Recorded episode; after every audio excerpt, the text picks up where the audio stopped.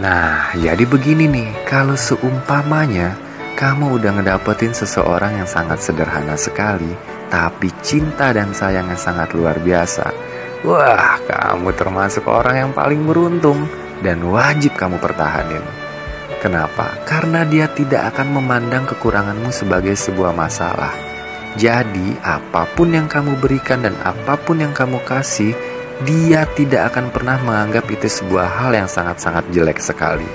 Meskipun yang kamu kasih itu biasa-biasa saja.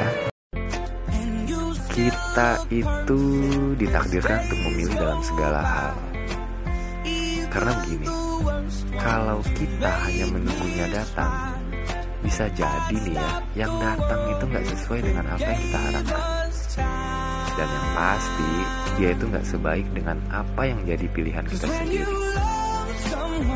Logikanya begini, yang kita pilih sendiri itu udah pasti sesuai dengan hati.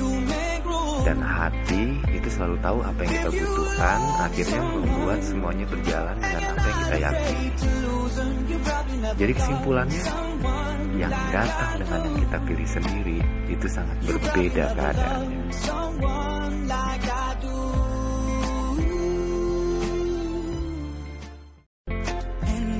Kita itu ditakdirkan untuk memilih dalam segala hal.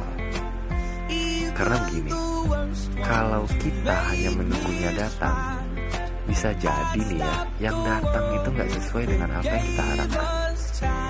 Dan yang pasti, dia itu nggak sebaik dengan apa yang jadi pilihan kita sendiri. Logikanya begini, yang kita pilih sendiri itu udah pasti sesuai dengan hati. Dan hati itu selalu tahu apa yang kita butuhkan, akhirnya membuat semuanya berjalan dengan apa yang kita yakini. Jadi kesimpulannya, yang datang dengan yang kita pilih sendiri itu sangat berbeda keadaannya.